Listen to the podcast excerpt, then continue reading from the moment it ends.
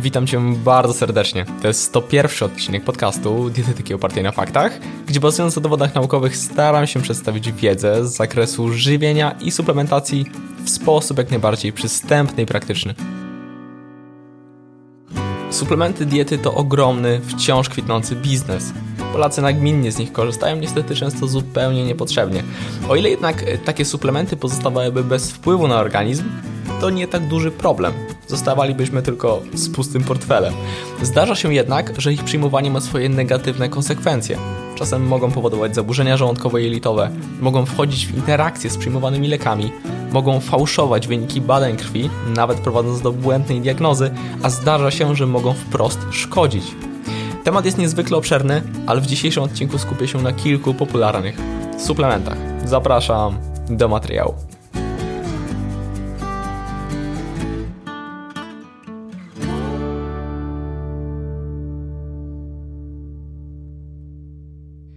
Zaczniemy od tematyki fałszowania badań krwi. O co tak naprawdę chodzi? Przykładowo o biotynę. Biotyna, czyli inaczej e, witamina B7 czy też witamina H, dla ludzi jest niezbędną do życia substancją. Organizm człowieka no, nie jest w stanie jej sam e, syntezować, chociaż jest wytwarzana w jelicie grubym przez bakterie jelitowe, ale wchłanialność w tym odcinku przewodu pokarmowego jest niewielka. Niemniej, z uwagi na powszechne występowanie biotyny w żywności, jej niedobory w krajach rozwiniętych zdarzają się bardzo, naprawdę bardzo rzadko. Mimo wszystko suplementy z biotyną są bardzo popularne, zarówno te jednoskładnikowe mm, oraz złożone, na przykład w preparatach multivitaminowych, suplementach typu B-kompleks, suplementach na włosy, skóry czy paznokcie.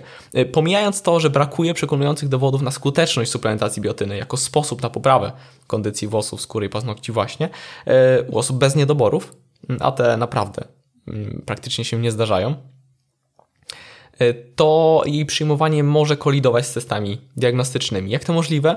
Warto wiedzieć, że do oznaczania wielu związków w płynach fizjologicznych, np. hormonów tarczycy, e, witaminy D, testosteronu, progesteronu, e, estrogenów, LH, FSH, a także niektórych markerów nowotworowych, wykorzystywane są testy immunologiczne. Testy zaprojektowane są tak, aby tworzyły wiązanie biotyna-streptawidyna. Dlaczego akurat biotyna? Wynika to z małego rozmiaru cząsteczki oraz silnego powinowactwa do właśnie streptawidyny. Ma to znaczenie, ponieważ dzięki temu można osiągnąć wysoką czułość przy oznaczaniu np. hormonów, które generalnie występują w niskim stężeniu. Co więc, gdy dostarczamy naprawdę duże dawki biotyny w postaci suplementacji? W zależności od testu możemy uzyskać wynik fałszywie ujemny lub fałszywie dodatni. E, suplementacja może fałszywie obniżać poziom niektórych hormonów, np.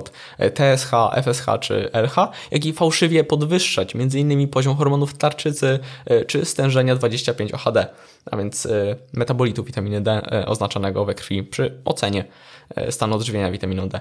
I może to mieć swoje konsekwencje w postaci nieprawidłowej diagnozy, a nawet niepotrzebnie wprowadzonej farmakoterapii.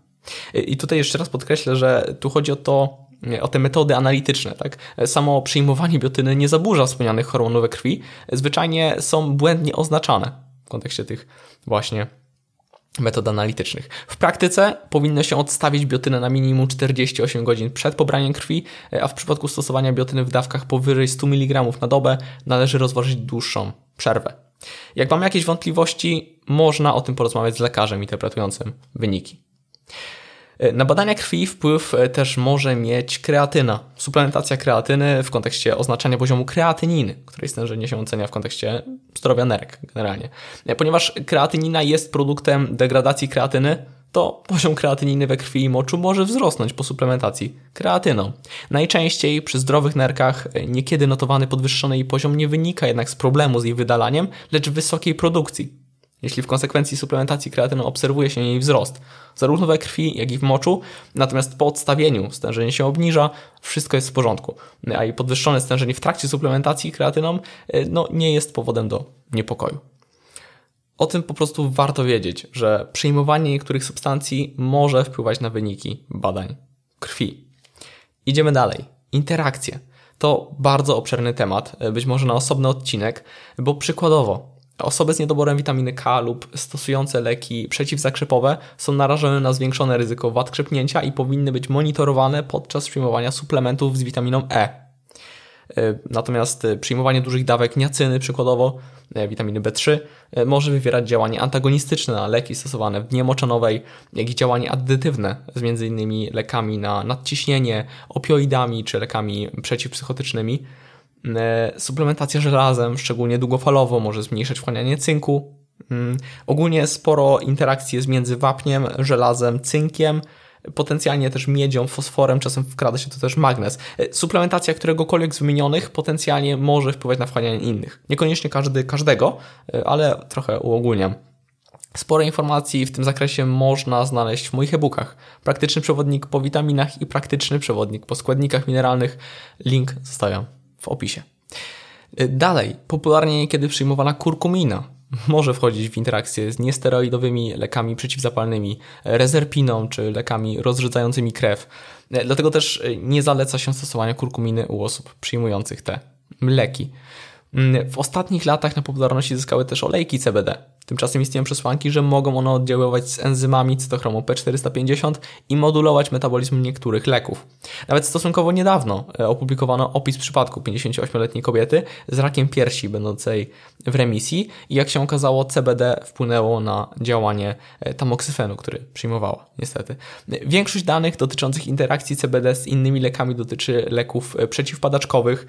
Tu też zresztą sporo jeszcze nie wiemy. Dużo interakcji może potencjalnie dotyczyć e, substancji roślinnych, jakichś wyciągów, e, ekstraktów itd. Tak Generalnie więc czasem możemy być zupełnie nieświadomi, że sięgając po jakiś suplement, przyjmując leki, może się pojawić interakcja.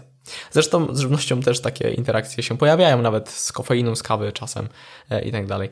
Też proponuję ostrożność i niestosowanie gamy suplementów lekką ręką, szczególnie nie wiedząc właściwie po co coś suplementujemy. Tak na przykład e, suplementacja e, żelaza powinna dotyczyć tylko osób z jednoznacznie stwierdzonym niedoborem i powinna być prowadzona pod kontrolą lekarza. A czasem spore dawki znajdziemy nawet w preparatach witaminowo-mineralnych, które przyjmowane są powszechnie.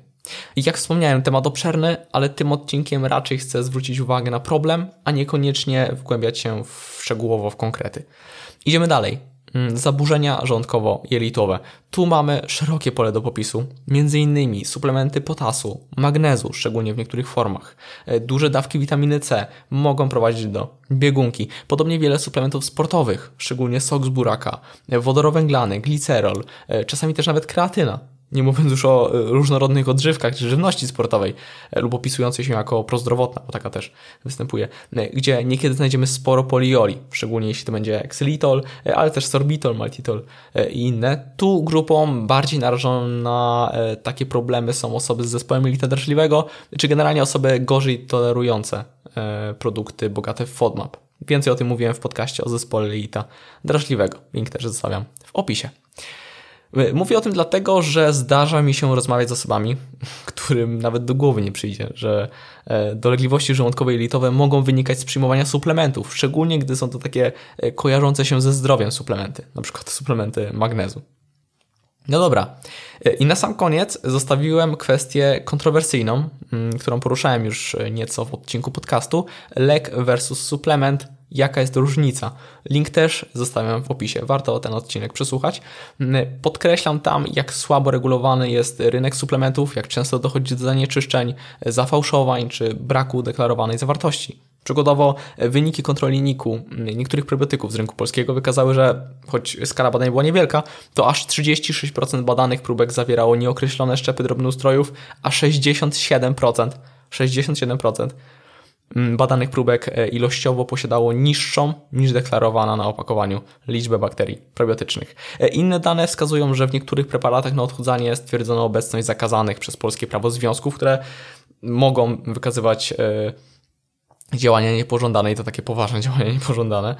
E, dostępne są także wyniki badań, gdzie w preparatach dla sportowców znaleziono środki dopingujące, a w preparatach o sugerowanym działaniu łagodzącym ból stawów stwierdzono obecność kortykosteroidów. E, w latach 2011-2012 aż 30% przypadków dopingu w Polsce było spowodowane przyjmowaniem suplementów i odżywek, które zawierały środki dopingujące. Szczególnie taką narażoną grupą e, w tym zakresie są przedtreningówki, spalacze tłuszczu czy takie suplementy wieloskładnikowe. Bazowanie na sprawdzonych i niepodejrzanych źródłach oczywiście to ryzyko zanieczyszczenia zmniejsza, a w wielu suplementach, szczególnie od renomowanych firm, najprawdopodobniej wszystko jest w porządku. Niemniej problem istnieje i jest stosunkowo jednak powszechny, a to może mieć swoje konsekwencje. Przykładowo, nadmiar jodu może być wynikiem spożywania dużych ilości produktów z alg, gdzie e, zawartość tego jodu może być wyższa, znacznie wyższa niż deklarowana, co wykazano w niektórych e, badaniach. E, dużym problemem są też suplementy ziołowe albo też suplementy tak zwane detoksykujące. Zarówno różne kapsułki, czy też koktajle, które mają rzekomo nas detoksykować czy odchudzić. Nie będę wymieniał firm, ale są bardzo powszechne. Niestety już w niejednym badaniu wykazano, że gdy wzięto niektóre z takich produktów, często bogatych w jakieś ekstrakty ziołowe, wyciągi roślinne, znaleziono tam wysoki poziom metali ciężkich, czy nawet toksyczne związki. Obecnie w literaturze opisane są setki produktów ziołowych o potencjalnej hepatotoksyczności. No, to również jest poważny problem. I dodam, że w Polsce publikowane są niekiedy niezależne badania różnych suplementów, na przykład Fundacji Badamy Suplementy. Warto na nie zwracać uwagę. Istnieją też międzynarodowe standardy, takie standardy audytowania producentów, czy też audytowania konkretnych preparatów, obejmujące certyfikację, przykładowo IFOS dla suplementów z olejem rybi. Oczywiście, jak wspominałem już, temat jest znacznie szerszy. Można byłoby wspominać o wielu substancjach, nawet problemach, które pojawiają się tylko u niektórych, na przykład y, nasilenie trądzików w konsekwencji przyjmowania witaminy B12, ale liczę, że tym odcinkiem zwróciłem po prostu uwagę na to, by z nieco większą y, ostrożnością podchodzić do suplementów diety. Niekiedy suplementacja jak najbardziej jest zasadna, niekiedy wręcz oficjalnie rekomenduje się suplementację w konkretnych grupach, na przykład witaminy D wśród populacji polskiej, e, witaminę B12 u wegan, e, foliany u kobiet w wieku rozrodczym, e, kilka substancji u kobiet w ciąży i tak dalej. Tu też polecam sięgać po formę leku, a nie suplementu, jeżeli występuje.